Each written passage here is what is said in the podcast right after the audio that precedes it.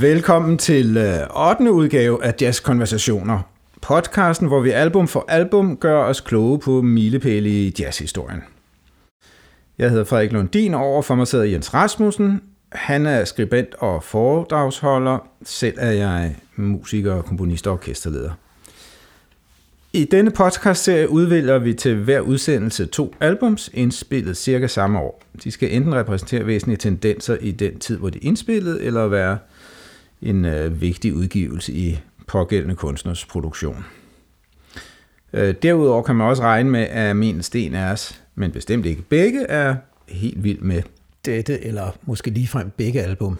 Det er også væsentligt at gøre opmærksom på, at de ældste udgivelser, vi taler om, er fra midt i 50'erne, hvor LP'en med sin 2 gange 20 minutters spilletid havde etableret sig som det foretrukne øh, udgivelsesformat. Vi sidder i mit øvelokale i det indre København, så indimellem vil man måske kunne høre, at øh, København er lige uden for vinduerne her. Denne gang skal vi tale om to udgivelser, der øh, udkom med cirka tre års mellemrum. Den ene er Weather Reports Black Market fra 1976, og det andet er Joni Mitchells album Mingus fra 1979. Det er meget forskellige album, må man sige, men der er ikke desto mindre øh, hele to genganger, væsentlige genganger blandt musikerne på de to albums. Det er rigtigt. Og Jens vil lægge for med at snakke om Black Market. Ja, og det gør jeg jo med meget stor glæde. Altså, vi var jo begge to teenager i 70'erne, og da jeg var teenager, der hørte jeg meget forskellig musik. Men Weather Report var et af de bands, som jeg virkelig var begejstret for. Og Weather Report var jo øh, et af de sådan øh, toneangivende bands i, i den øh, strømning, man kunne kalde jazzrock eller fusionsmusik. Nogle af de andre store navne var Chick Corea's Return to Forever, John McLaughlin's Mahavishnu Orchestra og Herbie Hancocks øh, Headhunters.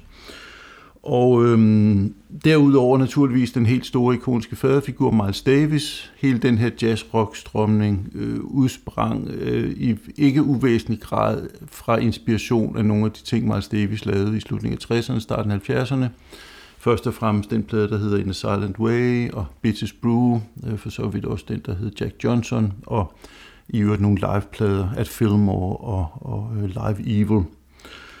Og dertil skal jeg også lige sige, at det var altså ikke Miles Davis, sådan, som sådan opfandt jazzrocken, eller var den første, der gjorde det. Det var en tendens, som, som manifesterede sig i tiden på forskellige vis. Vi har tidligere nævnt Gary Burton, hvis plader med Larry Coryell lidt tidligere var nogle af de første, der ligesom banede musikken i den retning. Øh, man kan også nævne øh, saxofonisten Charles Lloyds kvartet, som, som blandt andet havde Keith Jarrett på, på klaver. Og det var jo en strømning, som, øh, altså jazzrock-strømning, som slog ret stærkt igennem i Danmark også. Altså sådan nogle navne som, som øh, uh, Entrance og Six Winds. Der var et band, som hed Instant Breakfast, som jeg kan huske, jeg var ret begejstret for. De indspillede desværre aldrig plader. Øh, man kunne også nævne uh, Bo Steve Band, man kan nævne nogle af Jørgen Imborgs ting, for eksempel pladen Sargasso, øh, og lidt senere et band som Anima, som alle sammen på den ene eller den anden måde viderefører nogle af de nye tendenser i jazzen, som blev repræsenteret ved de her øh, store internationale navne, som jo havde kæmpe stor kommersiel succes, hvilket de jo i nogle kredse blev skilt en lille smule ud for. Vi var mange, der var meget vilde med det her. Der var også virkelig mange, der ikke var vilde med det. Det var i den grad noget, der delte vandene. Nå, men tilbage til Weather Report.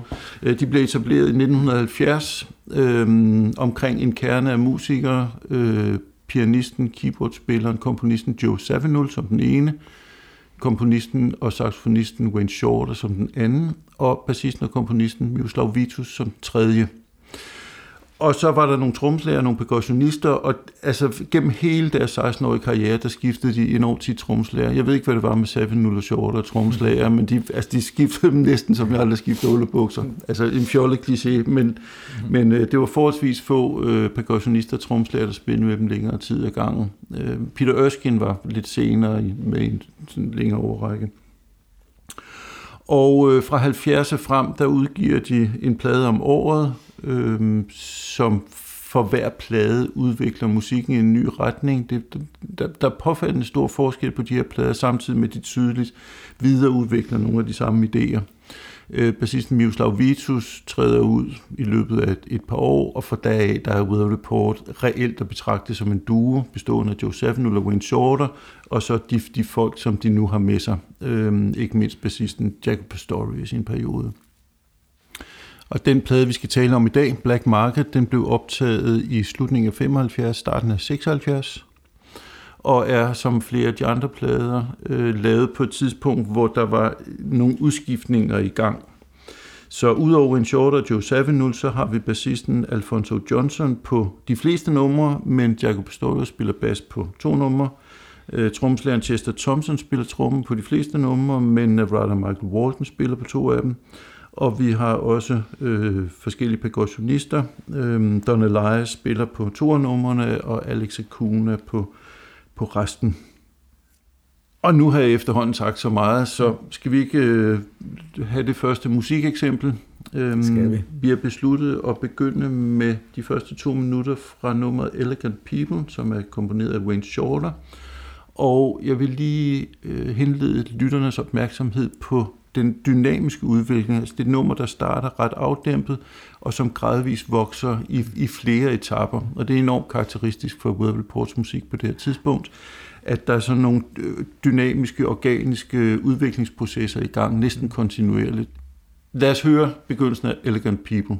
Okay.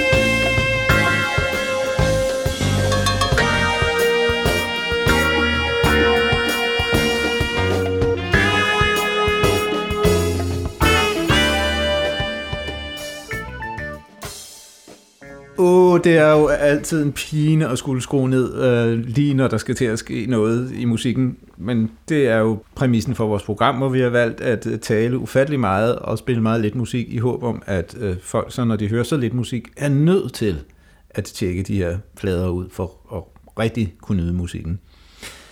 Vi sad og talte noget ja, om noget her off mic. Ja, vi talte jo blandt andet om Savinuts lyde, ja. som, som jeg er begejstret for, og som han var berømt for. Og altså, det er jo en tid, hvor en hel masse synthesizer-instrumenter bliver udviklet, og man kan lave en masse nye lyde, og der er en masse musikere på det tidspunkt, som falder enormt meget for alle de her nye teknologiske muligheder. Ja. Og altså hørt med 20, 30, 40 års øh, afstand, så kan det tit lyde lidt bedaget. Øhm, og personligt har jeg det sådan, at Savinuts lydunivers næsten altid holder. Der, der er nogle ting indimellem, hvor jeg synes, det bliver lidt, øh, lidt gammeldags eller lidt øh, syntetisk. Mm. De fleste af hans valg, synes jeg, er meget sådan harmoniske. Der, der er på en eller anden måde noget enormt naturligt over hans synthesizer-lyde. Jeg ved ja. godt, det er et besynderligt paradoks, men, men mange af hans lyde lyder faktisk lidt som nogle naturlige instrumenter. Ikke et bestemt, altså det er ikke sådan, nu lyder det som en obo eller en trompet, men det lyder som et, et, et instrument, der ikke eksisterer, kunne mm. lyde. Ja. Giver det mening? Ja, ja.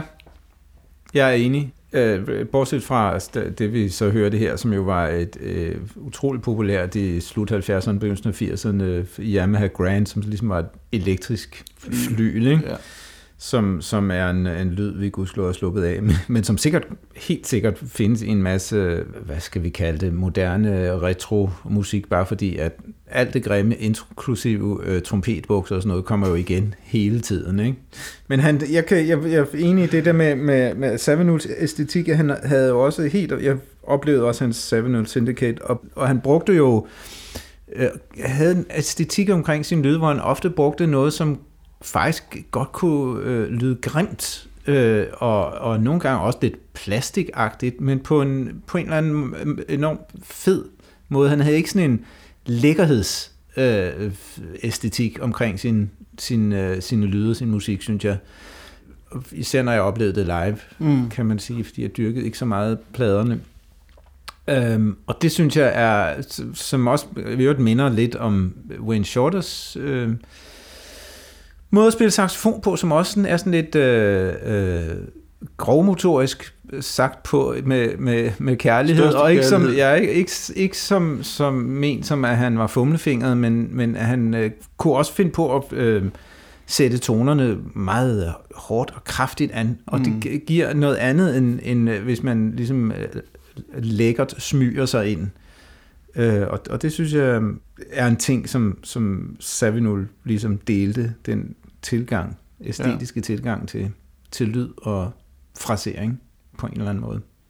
Jeg, jeg tror godt, jeg forstår, hvad du mener, men jeg, men jeg tror også, vi oplever det anderledes. Altså, jeg mm. synes faktisk, uh, Savinuls klangunivers og Weatherports klangunivers, ikke mindst på den her plade, faktisk er enormt lækkert. Mm. Uh, ikke på sådan en sukkeret måde, men, men, uh, men, men meget velvalgt. Og så må jeg lige sætte min fod ned, altså sammen, sammenligne Yamaha Grand med trompetbukser. Det, det, det, det, det står for egen regning. Jeg synes stadigvæk, Yamaha Grand lyder fedt i de rigtige ja, sammenhænge. Ja, okay. Smag, smag og behag. Ja, vi er i smag og behag afdelingen mm. med det angår. Der er også noget med rytmikken i den her musik, som er enormt øh, spændstig, og altså, det svinger jo sindssygt fedt vel at mærke, uden at de egentlig spiller swing i betydning med, med trivialiserede underdelinger, mm. som jo har været det almindelige i jazzen i lang tid. Ja. Øhm, men som der selvfølgelig var mange, der var holdt op med at, at, at gøre ja. øhm, allerede i 60'erne. Vi er inde i lige 8. dels universet, ikke? Ja. En af grundene til, at det giver en lille smule mening at bruge det der begreb jazz rock, som man kan, godt kan problematisere, hvis man har mm. lyst. Men, men de der lige 8. del, det er jo i hvert fald noget, der karakteriserer rigtig meget populær musik og rock og beat, mm. i modsætning til den lidt tidligere jazz. Ja. Der er også noget med forholdet mellem komposition og improvisation her. Altså det er jo ikke, numrene er jo ikke bygget op på den måde, der først er et tema, så er der noget improvisation, så kommer temaet igen. Det er næsten altid bygget op af forholdsvis mange dele, mm. som har nogle forskellige karakteristika, og Altså for eksempel, nu snakker jeg ikke nødvendigvis om det, vi lige har hørt, men altså World Report på det her tidspunkt generelt, det kan ofte være sådan, at der er et stykke, hvor Shorter spiller solo, og så kommer der altså et helt andet stykke musik, mm. hvor Savinul spiller solo. Mm. Øh, der er også en masse eksempler på, at det komponerede materiale, så den flytter rundt i instrumenterne. Det kan være et ostinat, det kan være et klaverfigur, det kan også et andet sted være et bestemt trommegroove, hvor de andre musikere så har sådan relativt øh, øh, frie hænder. Så, så der, der, der er noget nyskabelse omkring, hvad der er komponeret, og hvad der er øh, arrangeret, og hvad der er improviseret. Man kan sige, at øh, det som vel udover selvfølgelig øhm, øh, de, kan man sige, rock-influencer, som mange delte på forskellig vis i tiden og tiden efter, så er det vel især hele øh, orkestreringsuniverset, ideen, mm. øh, som, som Savinul og jo også Wayne Shorter øh, står for netop det, som du siger der, ikke med øh, flere delte, længere, ja, nu siger jeg sviteagtige forløb mm. igen, ja. ikke? Som, som, som minder om øh, musik for større orkestre, Øh, både inden for klassisk musik selvfølgelig, men også øh, mere ambitiøs big band musik og sådan noget. Ikke? Og, ja. og det kunne de jo, fordi at øh, Savinul havde det der kæmpe lydarsenal til, til sin rådighed, som man virkelig brugte, ikke? sørgede for at orkestrere utrolig afvekslende hele vejen igennem. Ja. Sidder ikke bare og groover ud på noget øh, Fender Rhodes eller klaver, men bruger øh, alle sine blæksprutte arme, ikke? Ja, som, som man, man jo var fantastisk til, når man så ham live, øh, hvor han jo stod inde i den der borg af keyboards, og bare armene fløj rundt mellem, mens han altid så utrolig cool ud. Ja. Fantastisk. Og enormt sympatisk så han ud. Jeg ved ikke ja. noget om hans person, men han er virkelig en sympatisk mand mm. på scenen, mm. må man sige. Øh, vi skal høre noget mere musik, og øh, det viser en sådan lidt anden side af deres musik- musikalske univers. Den er betydeligt mere afdæmpet. Øh, det, på en del af deres plader er der sådan nogle øh, karakteristiske duetter. Jeg ved ikke, mm. har du lyst til lige at sige det på? Jeg ved, det er noget det, du godt kan lide ved på. Ja, altså hvor jeg har haft det lidt svært med de øh, lidt øh, mere storladende øh, ting, og det har nok også lidt at gøre med, at jeg ikke har været så vild med den måde, øh, deres tromslager spiller på generelt, eller den rolle, de har fået. Nå, det kan man have mange idéer om.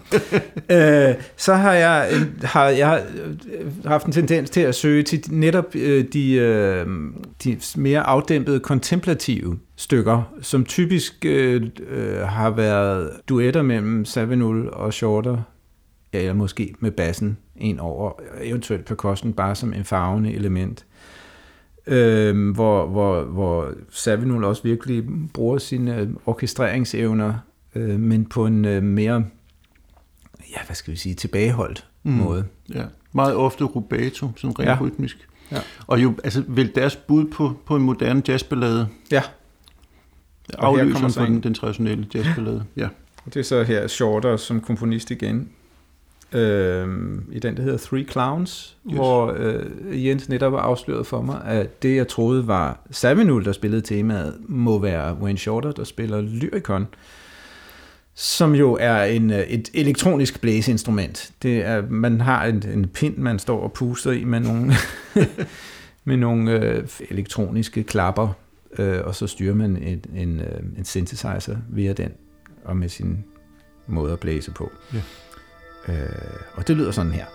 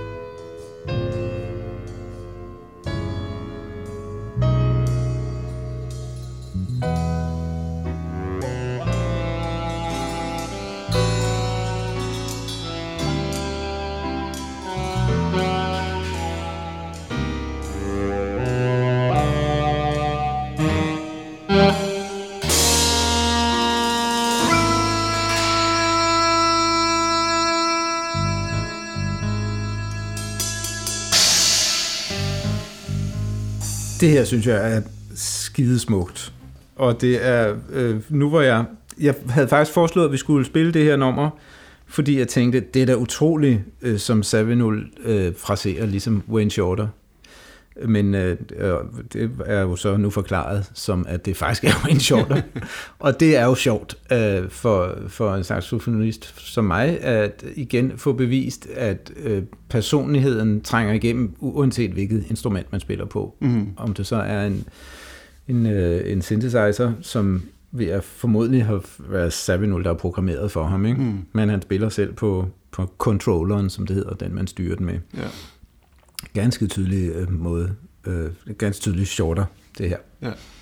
Og det er vidunderligt klangunivers, de her sådan øh, næsten lidt stillestående tabloer, eller øh, ikke stillestående negativ betydning, ja. men øh, okay. ja. Og de lavede jo nogle af dem, øh, en del plader er der nogle af de her, den her type numre. Ja, jeg skulle lige nævne, lad os se, der var der det nummer, der hedder The Well på det album, der hedder Procession. Og så er der Face on the Barroom Floor på Sporting Life albummet. Så fandt øh, vi også på det album, der hedder Tailspinning, Five Short Stories, og endelig på Mysterious Traveler, Blackthorn Rose, hvis man vil ud og søge på, den på lige præcis den type univers. Ja. Ja, ja. Der var noget med noget med, du var ikke helt vild med min udsagn om uh, tromslagerne. Nej, hvad var det for et bagholdsangreb der? Jeg synes jo, noget af den stærke fascinationskraft ved det her, det er jo trommer og percussion. Jeg synes, det er, er vanvittigt fedt, men ja. det, det falder ikke rigtig i din smag. Altså, det det, det, hvor jeg faktisk synes, at noget af det kommer til at lyde øh, bedaget, når man hører det i dag, og har noget at gøre med, med den lydæstetik, som meget blev defineret af trommer synes jeg. Den måde, man øh, øh Store mikrofonerede. mange tarmer og sådan noget. Ja, men den måde, man mikrofonerede dem på, og den måde, øh, trommerne lød på, og så den måde, man spillede på, som, øh, som jeg synes var ligesom for... Bombastisk, eller ja, hvad? det er et godt ord for øh, unuanceret, og, og jeg kunne også... Ej, unuanceret, Frederik Lundin. Jamen, det er jamen, unuanceret, fordi at der bliver talt med så store bogstaver. Enten sidder man og chatter til nogle bækkener, eller også slår man sindssygt hårdt i både store tromme og lille tromme. Øhm, det, jeg generaliserer groft, men det er mm. på en eller anden måde det, som...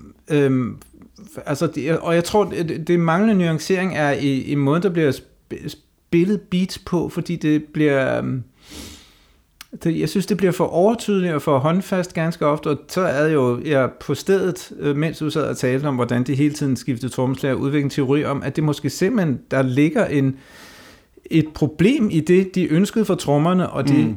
det så var muligt at få for de trommeslager, der kunne ja. håndtere den der mere muskuløse stil, at, mm. at enten var det, det, enten så kunne man det ene, eller også så kunne man det andet. Det havde også lidt at gøre med lydniveau selvfølgelig, mm. ikke? Men, men altså, øhm, jeg sad og tænkte på, hvorfor prøvede de aldrig Tony Williams, som jo måske faktisk godt kunne have håndteret øh, mm. begge, mm. begge sider, men han havde jo gang i sine egne ting, og var nok for stor en, et ego til at indordne og sådan, ja. og så to så store egoer. Mm. Altså uanset hvad man, hvad man synes sådan følelsesmæssigt om, om, om tromme på spil på de her plader, så er du jo indiskutabelt ret i, at det var en kontinuerlig udfordring, og det ja. var derfor, der var de der mange udskiftninger. Det, det blev lidt bedre. Altså Peter Øskin var med i en overrække, Omar Kim ja. også med i en, en lidt længere overrække. Øh, så på den måde, der fandt de et leje. Det havde så ja. måske netop også at gøre med, at man var simpelthen nået til et sted i trommeudviklingen, hvor, hvor trommeslagerne havde fundet ud af at håndtere ja øh, de mange roller i en person, ikke? som ellers næsten måske var urimeligt, at man forlangte, at de skulle kunne håndtere sig en og samme musiker. Ja. Det er sjovt, du slår ned på lige det her, fordi nu, altså, der, jeg er ret på, at der er nogle lytter, der sidder derude og bliver sure på os. De må, de må så mhm. skrive uh, sure uh, kommentarer på vores Facebook-side. Ja. Men jeg har det faktisk sådan, at, at i slutningen af 70'erne, hvor Peter Øsken kommer med, det, det er periodisk bliver en kvartet, mm. altså det vil sige, at der ikke er nogen, nogen percussionist med, der, der daler de lidt for mig. Og jeg mm. ved godt, der er virkelig mange, som elsker Night Passage for eksempel, og den der hedder... Ja, den bare hedder Weather Report faktisk. Mm. Øhm, at, jeg synes, det er mere spændende for Peter Erskine. Jo. Med al respekt for, han er en fremragende tromslærer, der er masser godt at sige om ham. Jeg synes ikke, øh, det er Weather Reports øh, mest interessante periode. Mm. Men igen, vi er afdeling for smag og. Ja. Vi skal høre et eksempel mere, før ja. vi går videre. Øh, og det er et nummer, der hedder Cannonball. Begge jo giver os anledning til at nævne en lille smule historik. Cannonball var jo saxofonisten Julian Adderleys kælenavn. Og øh, han var død her kort tid før. Det er en, en hyldest til, til Cannonball, som Joe Zawinul spillede med. Joe Zawinul er født i, i Østrig, men flyttede til New York i slutningen af 50'erne, 59 tror jeg, og spillede først og fremmest med Julian Cannonball Adderley mm. i, mhm. i en 10 år frem. Han lavede også nogle plader i eget navn. Øh, Rise and the Fall of the Third Stream er en af dem. Og så i 70 eller 71 laver en plade, der bare har titlen Savin Ja, det er den, hvor der kommer øh, hans egen udgave af... Øh, In a Silent Way. In a Silent Way, ja. Det er den nemlig lige præcis. Øh, og når vi nu er ved det, så kan vi da også lige nævne, at Wayne Shorter har en spændende forhistorie. Øh, han blev i første omgang berømt som medlem af tromslæren Art Blakey's Jazz Messengers, hvor han var musikalsk leder fra slutningen af 50'erne, mm. måske også 59 og frem ja. til 64, hvor han så blev medlem af Miles Davis Quintet, hvor han var med frem til øh, 70, så vidt jeg husker. Mm. Og så indspillede han imponerende mange virkelig gode plader. Hjemtids med ja, de præcis. her andre. Uh, Speak No Evil er en af mine ja. favoritter. Juju er rigtig god. Du har sikkert en håndfuld favoritter. Det ja, ja, også, ja, okay, ja. ja. Det kommer vi til at gennemgå i en særskilt ja. podcast. Og han var jo også sideman på virkelig fremragende plader, typisk fra, ja. fra Blue Note. Um, ja, og de havde jo, jo begge to en karriere efter Weather Report. Øh, hvor de lavede og han er ting. en af de helt store, og også en af de øh, øh, saxofonister og komponister, der har haft altså, allerstørst betydning for moderne jazz, rent mm. udsagt, ikke? fra mm. 60'erne og frem efter, både, som, både på saxofonisterne og på, på komponisterne. Ja, bestemt. Nå, vi skal høre begyndelsen af nummeret Cannonball, som er komponeret 7-0, det er ret i, ikke? Ja. ja. Øh, vi laver et lille trick her med, med det sidste musikeksempel. Vi spiller øh, begyndelsen cirka to minutter. Det starter meget afdæmpet, og man kan høre nogle af de her meget karakteristiske klange, ikke mindst Fender, Fender Rhodes, som ligesom var sådan hovedkeyboard-instrumentet for, for de her folk på det tidspunkt. Så stiger musikken en lille smule dynamik. Der kommer et ret smukt, sådan inderligt, lidt afdæmpet tempo, øh, tema, undskyld.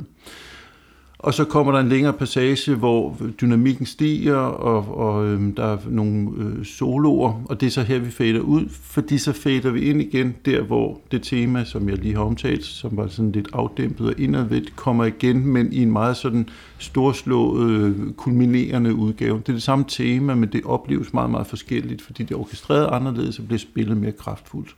Ja. Så det kommer her.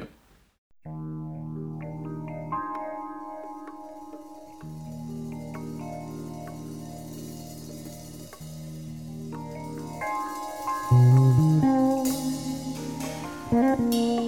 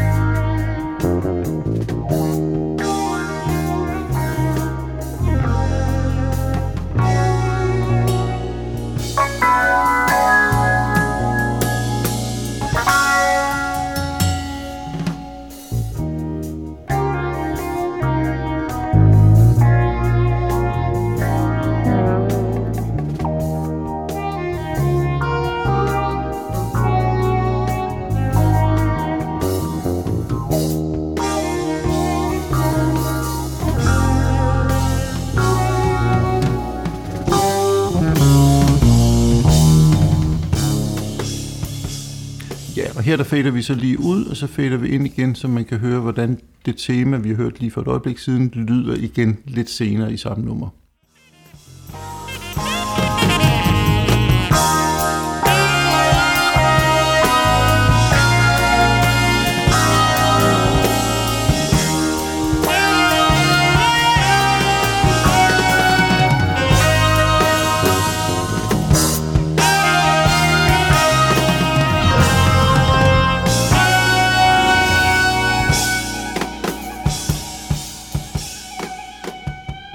Ja, igen synes jeg jo, det er virkelig, virkelig dejlig musik, vi lytter til her. Øh, endnu et eksempel på, hvor mange, hvordan mange af de her numre udvikler sig sådan organisk igennem gennem øh, hele forløbet. Øh, dejlige kompositioner, synes jeg. Men øh, tiden løber som altid, og vi skal til vores anbefalinger.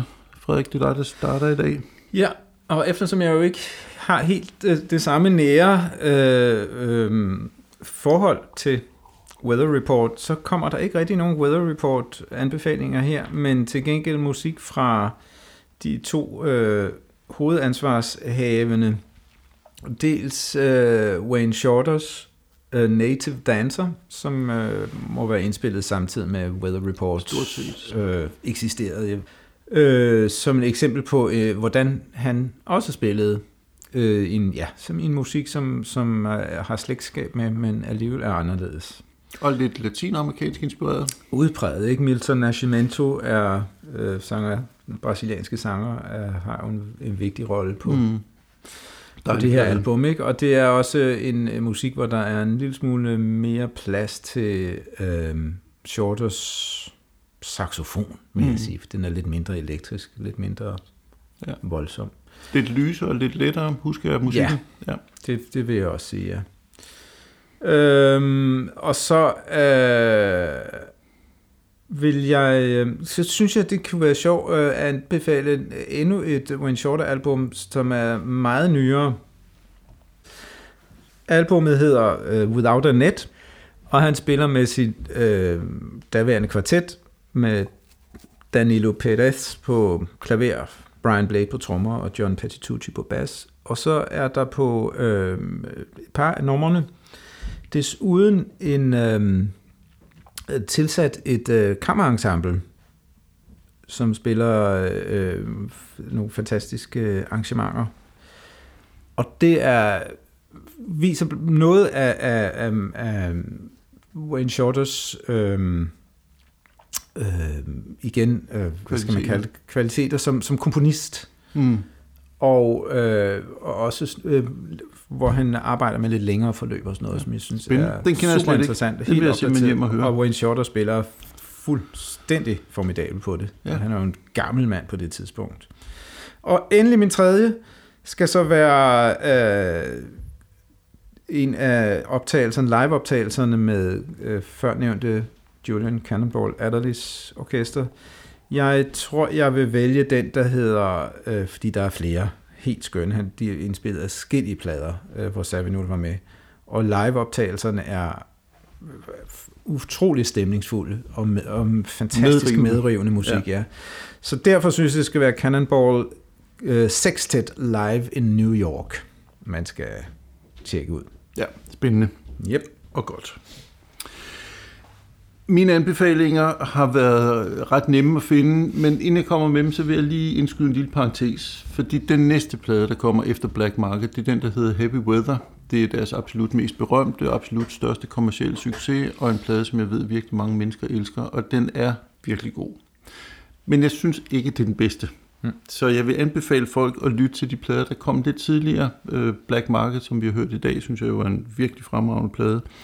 Og de to, der kom lige før, hedder henholdsvis uh, Mysterious Traveler og Tailspinning. Og jeg synes, de her tre, Mysterious Traveler, Tailspinning og Black Market, er Weather Report sådan en kunstneriske kulmination. Og så er der en masse andet, der er fremragende. Der er også en, der hedder Mr. Gun, som er god. Men det, det er de her tre, hvor jeg virkelig synes, at de, de er på toppen. Og min tredje anbefaling skal så være deres allerførste plade, som bare hedder Weather Report. Den er klangligt meget anderledes. Den er noget mere skramlet. Den er sådan lidt mere upoleret og måske en lille smule sværere at gå til. Men den er også enormt god og sprudlende og spændende og nyskabende. Så det skal være mine tre anbefalinger. Og så er det tid til en skiller.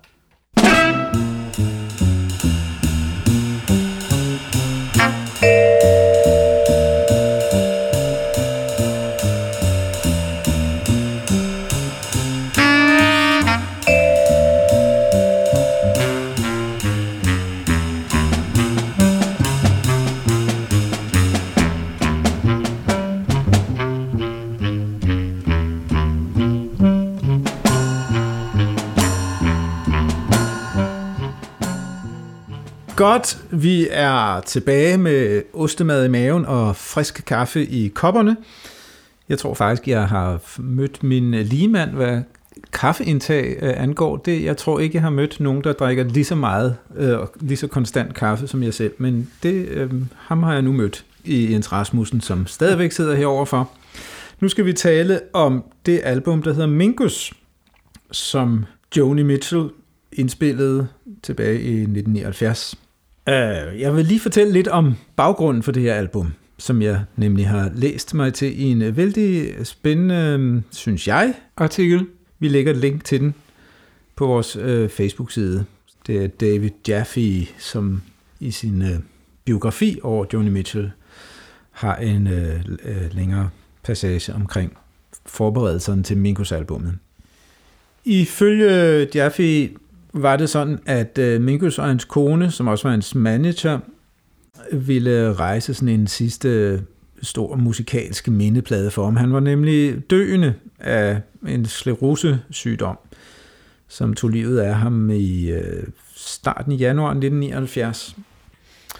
En store kunstner blev bare 56 år gammel. Og de prøvede øh, desperat at finde et eller andet projekt, det ligesom kunne være. Øh, det skulle også gerne være noget, han, fordi han jo var svag af sin sygdom, kunne magte. Så var der en øh, producer, som spillede et Joni Mitchell album, hendes seneste album, for, for de to. Og øh, det fik dem til at tænke, at det var måske en idé, at øh, hun og han skrev nogle sange, og det skulle ligesom være hans epitaf så de for sig. Så de inviterede øh, Mitchell hjem til Minkus op på 44. etage i det hus med udsigt over Hudson River i, i New York, hvor, hvor han boede. Og de øh, fik så øh, øh, af omveje og over lidt længere tid øh, fandt de ud af, hvordan de ville samarbejde om, om det her. Og øh, som vi har kunne læse os til, så indsang Minkus nogle melodier, som han så sendte til den arrangør, Cy Oliver, som havde arbejdet meget med ham øh, gennem mange år på hans musik. Var, han var sådan en slags hjælpearrangør, orkestrator for, for Minkus på mange af hans projekter.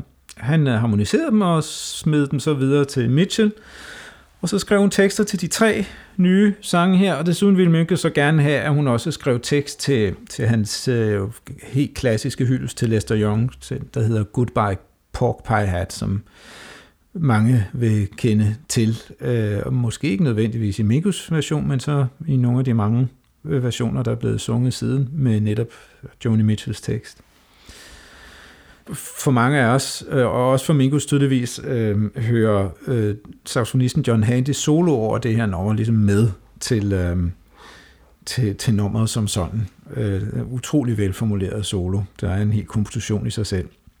Og den synes han også, hun lige skulle skrive tekst til. Så det gjorde hun så. Øh, og så var de så ligesom øh, jævnligt i kontakt, forstår man, i øh, løbet af, af det her arbejde, og hun kom til at holde meget af Mingus, som hun faktisk ikke kendte så meget til, øh, til at begynde med, til synlædende. Ligesom han faktisk nok heller ikke rigtig havde hørt om Joni Mitchell, før han blev præsenteret for hendes seneste album. Ikke.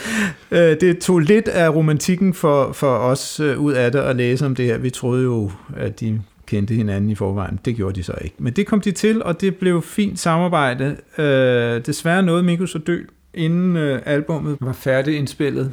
Men øh, så vidt jeg forstår, så nåede han i hvert fald at, at høre Mitchell synge nogle af sangene for ham. Mm.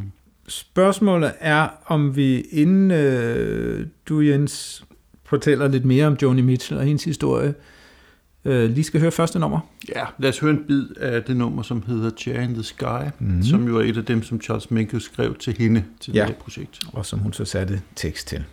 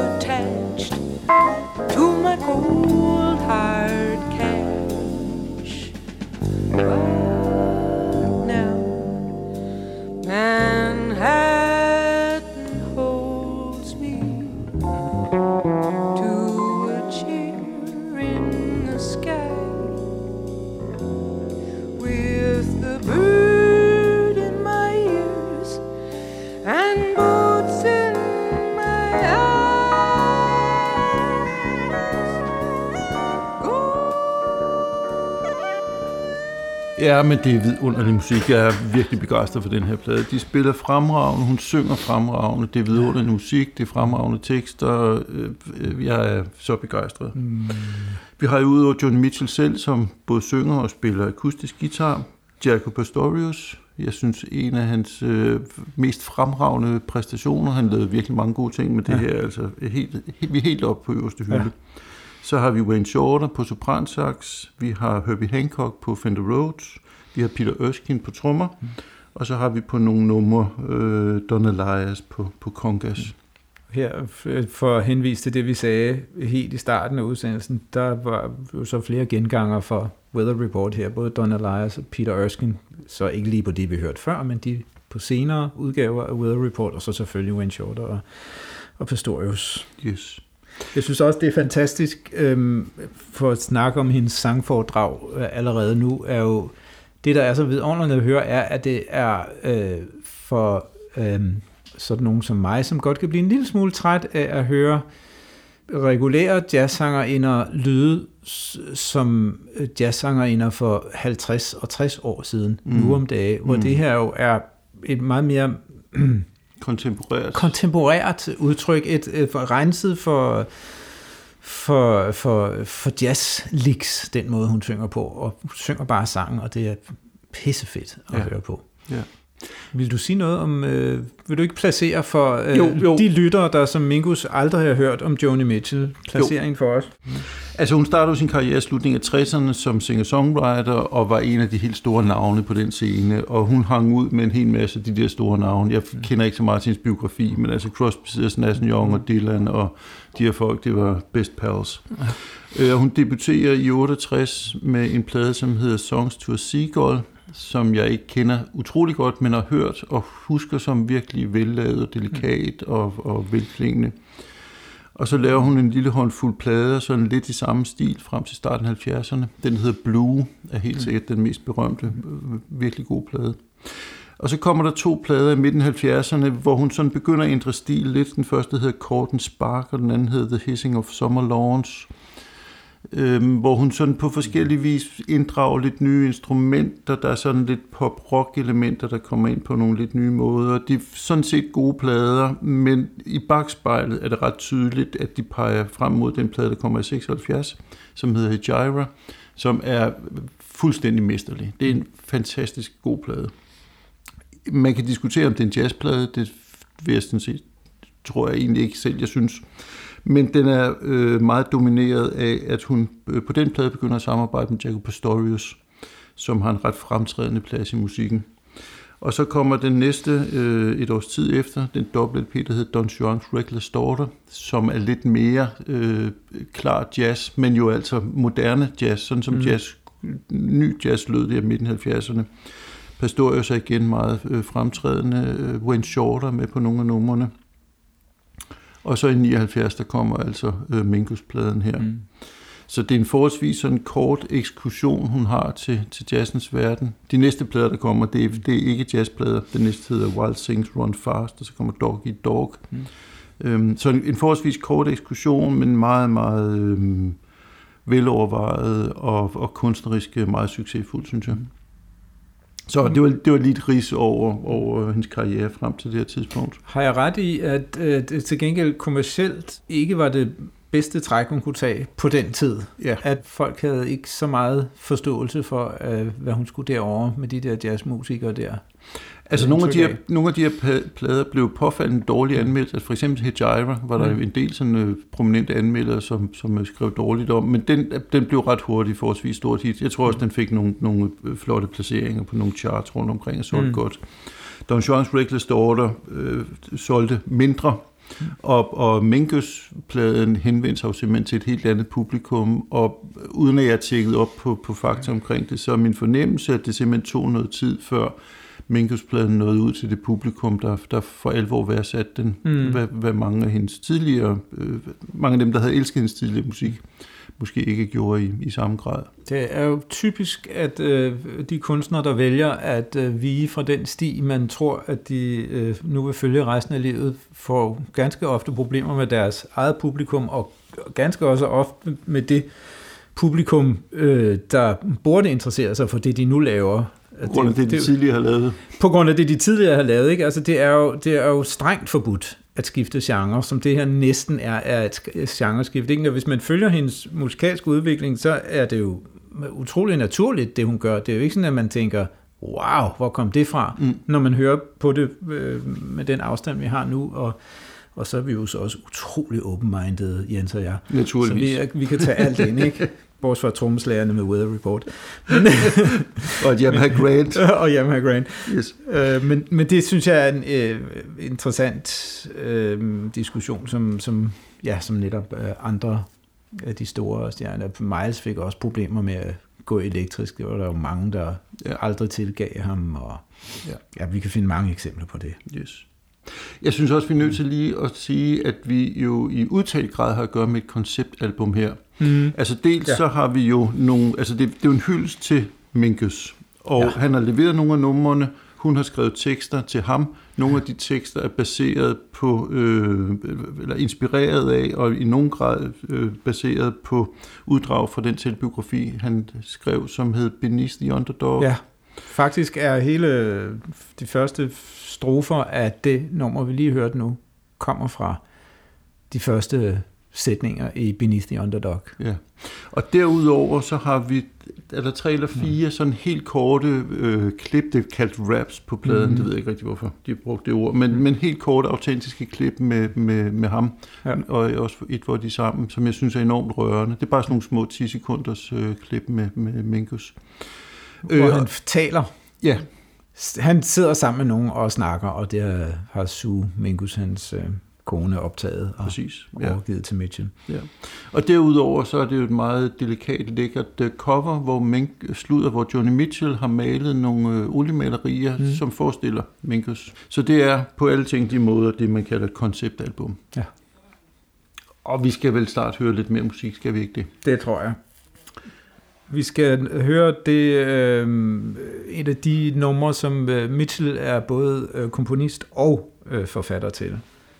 Og hvor vi hører hende øh, spille guitar, som hun jo var fænomenal til. Hun udviklede jo simpelthen nogle guitarteknikker og måder at spille omstemt guitar på, som mm. øh, fik vældig betydning for, for guitarister og sangskrivere siden. Øh, og Faktisk hører en vi- forholdsvis rå guitarstil. Altså blandt andet ja. så dyrker hun meget sådan nogle, øh, de, de dybe strenge, som sådan klirer mod, mod Ja. øh, Hun slår simpelthen på instrumentet, så det skramler og rasler, som Ja. vi vil kunne høre lige om lidt. Og så fantastisk, øh, synes jeg, et samarbejde med, med øh, Pastorius her, Ja. som virkelig viser, at de kunne noget sammen, de to. Den, der hedder God Must Be a Boogeyman. He is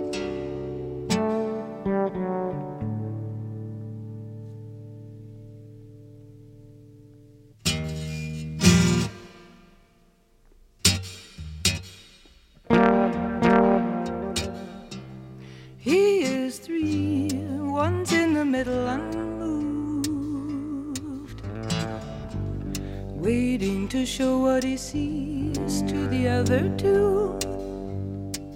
To the one attacking so afraid. And the one that keeps trying to love and trust. And getting himself betrayed in the plan. Ooh, the divine plan. God must be a boogeyman.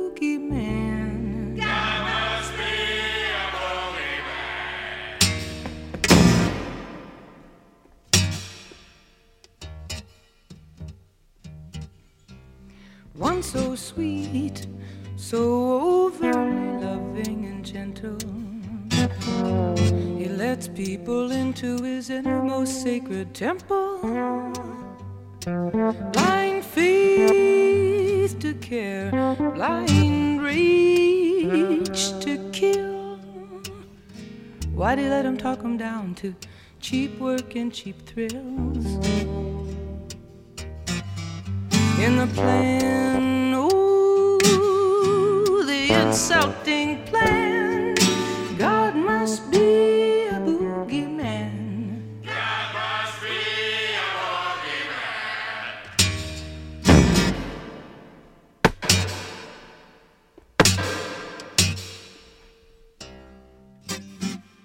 Kæft, det er fedt. Jeg tror, jeg har sagt det rigtig mange gange i løbet af den podcast-serie, øh, hver gang vi har hørt noget musik, så starter jeg med, ej, hvor fedt, eller noget lignende. Fantastisk øh, kommunikation mellem de to, og igen, altså, det vilde guitarspil der. Øhm, Og en sjov, pussy idé med det her sådan lidt øh, brugtende kor, Ja. der synger med på, på God Must Be a Boogeyman. Ja.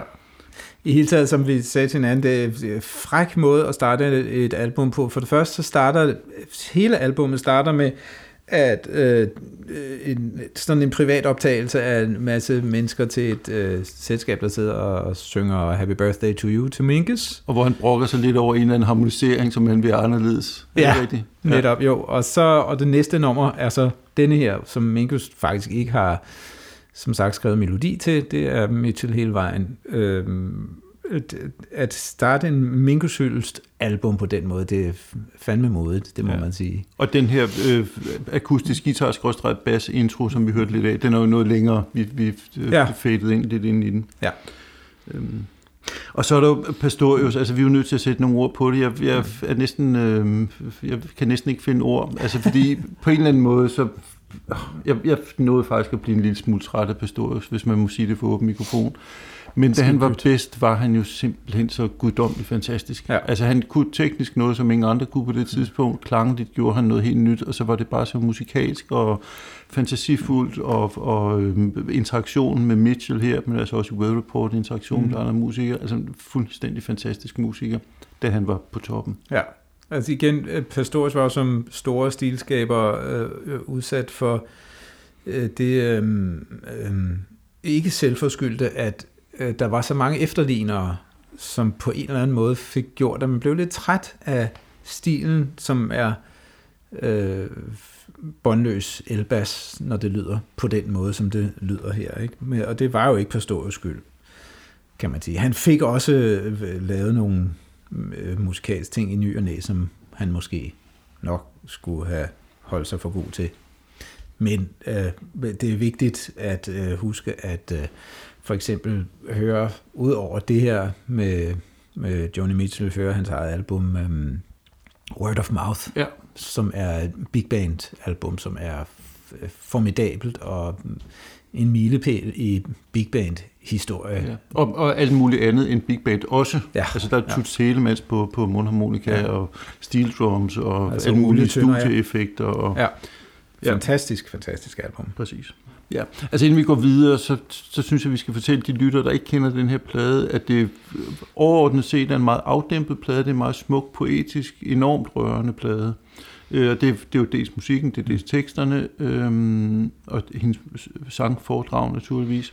Så er det også en musikalsk interaktion mellem altså Pastorius, Herbie Hancock og Wayne Shorter, ja. som spiller meget sådan... Øhm, øh, det, det er meget det, man kunne, kunne kalde en ligeværdig interaktion. Der, Mm. de, de, de har ikke soloer på skift, men de, de akkompagnerer simpelthen fuldstændig integreret Ja. i, i uh, Joni Mitchells sang, og øh, alle numrene udvikler sig øh, organisk hele vejen igennem. Ja. Lidt på samme måde, som Weatherport gjorde det, altså øh, på en helt anden måde, men de har det til fælles, at numrene udvikler sig gennem, Ja. ja. gennem øh, hele forløb. A Chair in the Sky er et rigtig godt eksempel på det, som var det første nummer, vi hørte her i udsendelsen. Ikke? Ja. En, og vi desværre ikke har mulighed for at høre, hvordan det, det bevæger sig fremad, men det er fantastisk øh, velproduceret, må man sige. Ikke? Ja. Og musikerne underbygger hendes Ja. tekst og hendes foredrag øh, fuldstændig. Det er ligesom det, der står i centrum af hende og hendes tekst, men de andre er uundværlige i, i øh, lyssætningen, om man så må sige, af, Ja.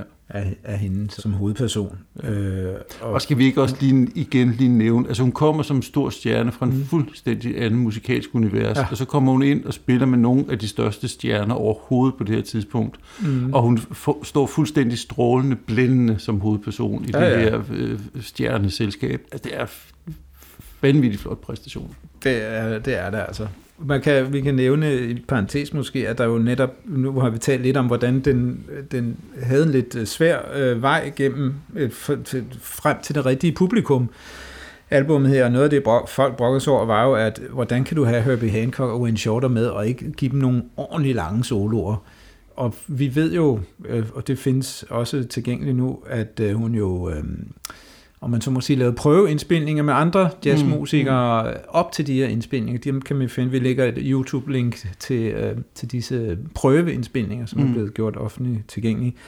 Øh, så kan man ved selv høre, høre at, øh, at det nok var meget godt, at det endte med at øh, være det, som mm. Mm. kom på plade, der kom på plade, fordi hun netop øh, arbejdede med et mere traditionel øh, jazzform der, øh, hvor, hvor øh, solisterne fik øh, længere soloer, og, og det har overhovedet ikke samme magiske effekt. Man sidder bare og venter på, at de skal holde op.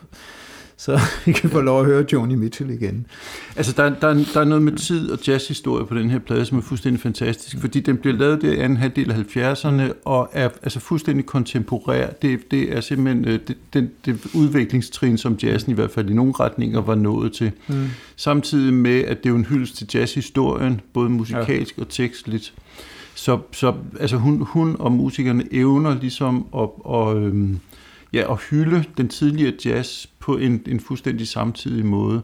Ja. Og, og, og samtidig med det, er det jo en musik, som ikke lyder bedaget og 70'er-agtig på en kikset måde, når vi hører den her øh, 40-50 år efter. Nej, det er det ikke. Det er ikke i mine ører i hvert fald. Nej. Det er jo også en musik, der pegede frem, fordi den gav netop sangskriver lov til at tænke det der med at skrive tekst øh, og blande det med jazz, øh, gav dem lov til at, at, at gøre det. Mm. Hun markerede ligesom, det kan man også, det skal ikke det skal ikke nødvendigvis være, som det altid har været, at sangeren får lov at synge af refræng, og så skal hun sætte sig ned på en stol og vente i 20 minutter på, at de har gjort sig færdige rundt omkring hende med at spille lange, lange improviserede solo, og så får hun lov at synge igen til sidst. Mm.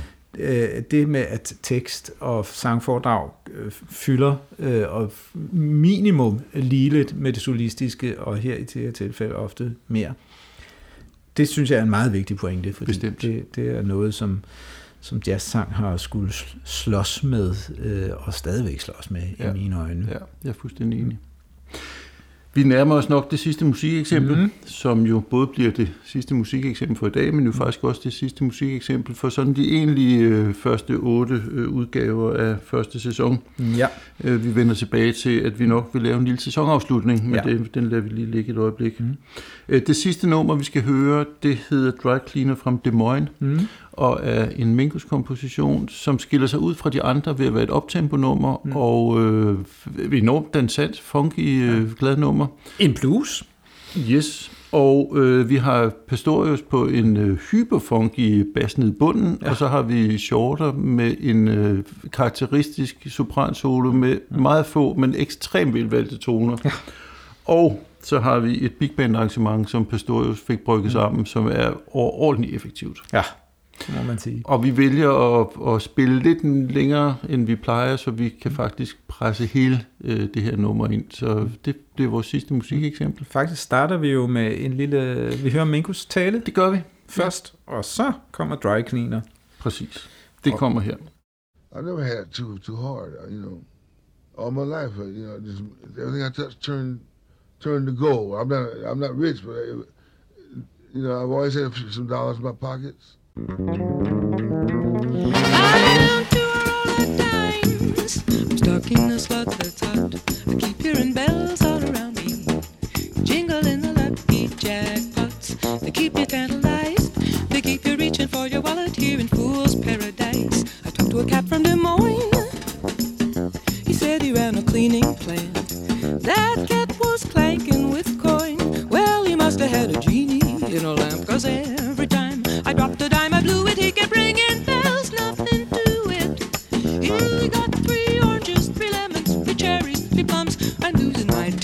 True.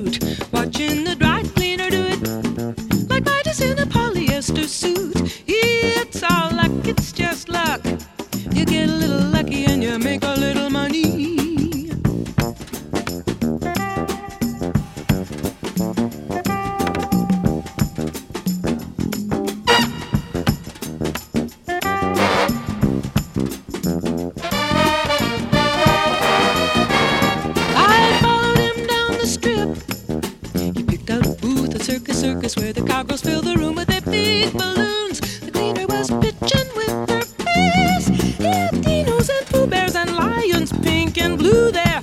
He couldn't lose there.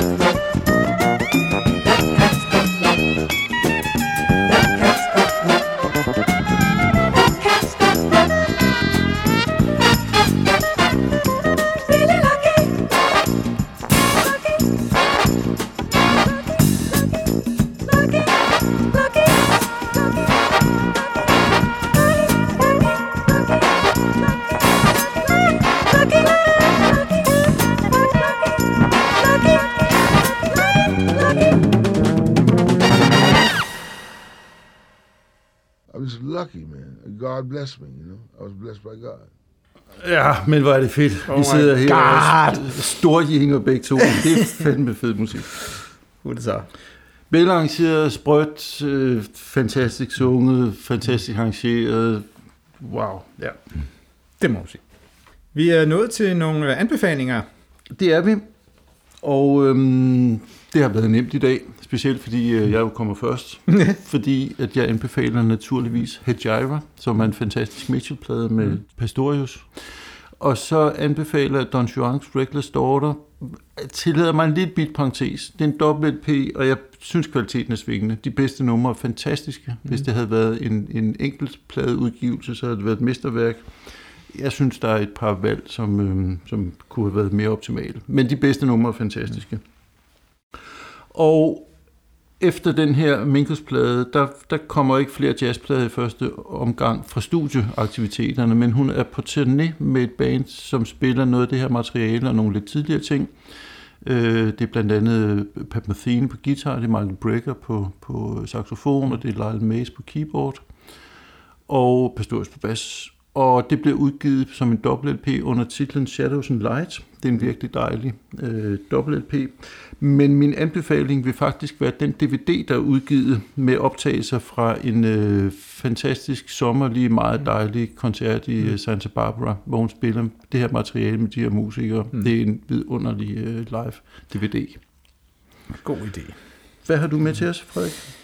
Øh, ja, altså jeg vil jo så, eftersom det her er jo er et jazzprogram, øh, og du har taget det, der kan øh, have jazz-konnotationer øh, med øh, Mitchell, så kunne jeg godt tænke mig at anbefale noget andet i genren, interessant nutidsklingende jazz med tekst. Bortset fra, inden jeg gør det, vil jeg dog alligevel, fordi jeg synes, at der er noget jazzagtigt over hendes måde at synge på, anbefale hendes eget øh, lidt senere album fra år 2000, tror jeg, Both Sides Now, som er et vidunderligt album med øh, fantastiske arrangementer af arrangøren Vince Mendoza, som er virkelig, virkelig smukke. Men så vil jeg så også anbefale en, øh, det, det er en ganske anden øh, type album øh, med sangerinden Ricky Lee Jones, som mm-hmm. er også er, øh, hvad kan vi godt kalde en singer-songwriter, men også øh, ja, pop-sanger, øh, som har lavet et dejligt album med en flok jazzmusikere øh, og titlen Pop Pop med øh, nogle jazzstandards og lidt forskelligt andet. Mm som øh, igen viser, øh, at man kan synge jazz øh, på en øh, måde, øh, der er fri for alle de gamle jazzklichéer. Mm. Og endelig vil jeg øh, våge mig ud i noget, der kan øh, nærme sig nepotisme, nemlig anbefale øh, herboende sangerinde Trine Lise Værings fremragende album uh, When the Dust Has Settled med øh, Carsten Dahl, øh, Johannes Lundberg og Peter Danemo og lidt forskellige gæste, solister og stryger og ting og sager. Og når jeg ser nepotisme, så er det fordi, at Trine Lise øh, er jeg også gift med. Men jeg synes, hun er en af dem, der har hjemme har haft held til at øh, have et sangskriver-approach til det med at øh, skrive jazzmusik, eller rettere blande jazzmusikere ind i sin musik med held. Glimrende anbefalinger. Og der er jo ikke nogen, der har sagt, at nepotisme er forbudt i jazzkonversationer. Nej. Vi er nået dertil efter disse anbefalinger, hvor vi så lige bare skal huske, at øh, vi jo har en øh, Facebook-side, som man gerne må gå ind på og skrive kommentarer til os, øh, eller forslag til andet, vi måtte tage op i programmet. Man kan også læse vores anbefalinger og Nemlig, øh, dem skriver vi jo der. Ikke? Se relevante links. Korrekt. Øhm, vil du sige noget om vores øh, sæsonafslutning? Ja, altså nu har vi jo faktisk ikke planlagt i detalje, hvordan vi griber det an. Men vi vil jo i hvert fald se tilbage på nogle af de album, som vi har lyttet til at talt om, og som på forskellige vis repræsenterer strømning af jazzens historie. Og der vil i hvert fald indgå det, at vi hver kommer med tre, måske fire stykker musik, eller uddrag fra musik, som vi har opdaget, eller genopdaget, eller som vi måske er begyndt at lytte på på en lidt anden måde, som konsekvens af den uh, lille proces, vi har været igennem mm. med, med den her første sæson. Vi har jo talt og skrevet, og ikke mindst lyttet temmelig meget, og øhm, når man lytter koncentreret og fokuseret, og specielt når man gør det med henblik på noget bestemt, for eksempel formidling til nogle lyttere, så er der jo tit ting, som lyder lidt anderledes, eller som man oplever på en anden måde. Så det kan det, også ske, at øh, man har tænkt, åh, oh, hvorfor i alverden har vi ikke talt om dette stykke musik ja. i denne forbindelse. Det er nemlig tit sket. så det kan også være, at, det, øh, at vi kommer med nogle øh, uddrag fra musik, som vi synes, man også burde have hørt. Ja, og det bliver altså ikke musik, som er fra nogle af de plader, som vi har talt om, men det bliver musik, mm. som på en eller anden måde har relation til de ja. plader, vi har talt om. Man kan også sige det på en anden måde. Vores sæsonafslutning vil udgøres af en masse god musik, som er valgt med afsæt i de 16 albums, vi har talt om i løbet af første sæson. Og så vil jeg da gerne slutte af med at sige tak for samarbejdet indtil videre. Jeg synes, det har været en øh, lærerig øh, fornøjelse. Det glæder mig til anden sæson. Så jeg siger tak fra Jens Rasmussen. Og Frederik Lundin.